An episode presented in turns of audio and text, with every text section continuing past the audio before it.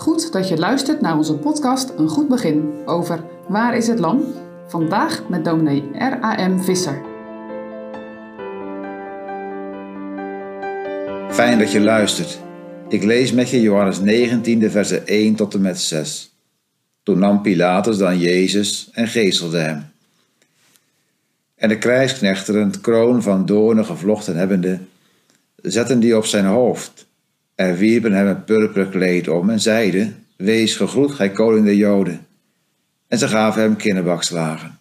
Pilatus dan kwam wederom uit en zei tot hen, Zie, ik breng hem tot uw lieden uit, omdat gij weet dat ik in hem geen schuld vind.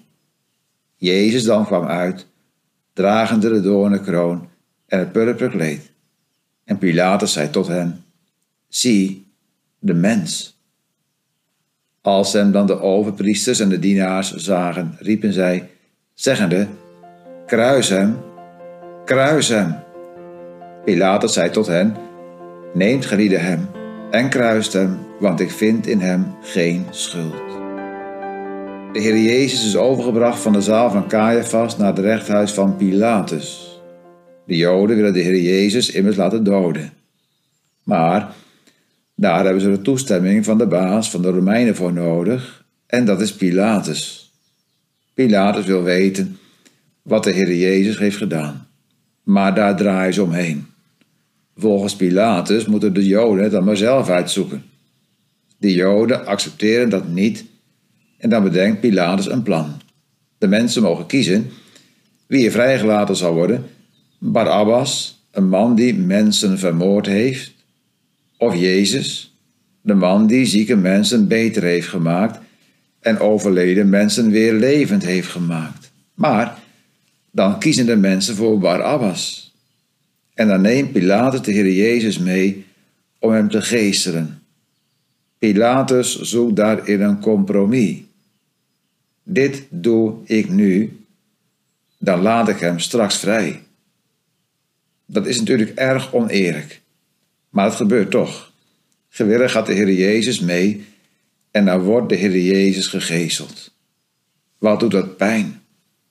De soldaten maken er een gemeen spel van.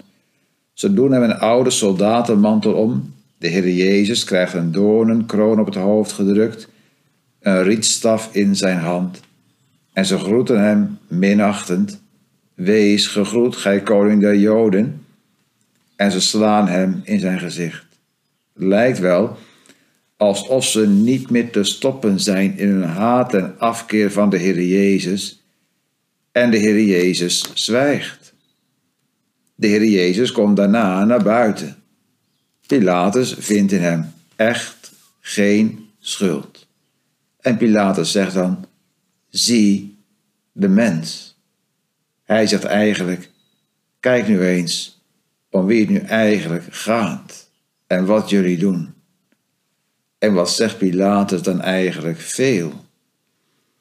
Want de Heer Jezus is de volmaakte mens, zoals God bedoeld heeft toen Hij de mens geschapen heeft. De Heer Jezus bleef in alles altijd gericht op de eer van God. In een volmaakte gehoorzaamheid en overgave aan de wil van God.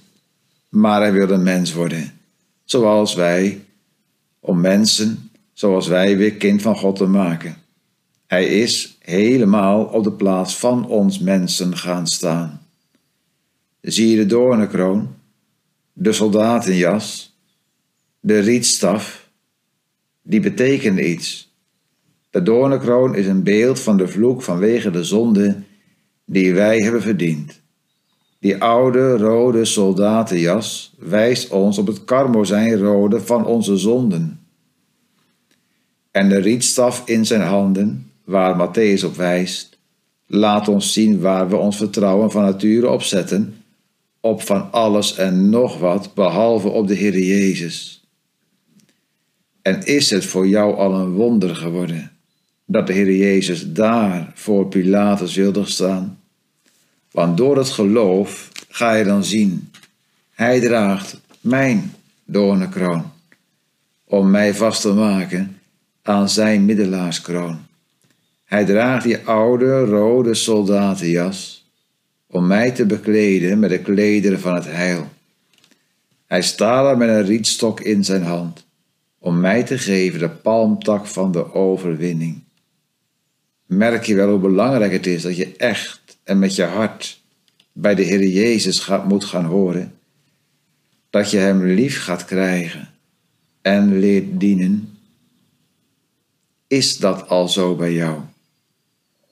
Pilatus zegt het. Eigenlijk zegt God het.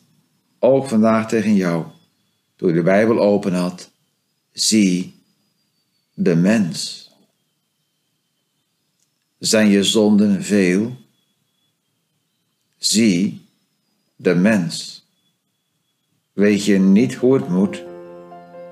Zie de mens. Zodat je leert met je hart. Hij uitgebracht. Hij gekomen. Hij gekruisigd. Ook voor mij. Ja, ook voor mij.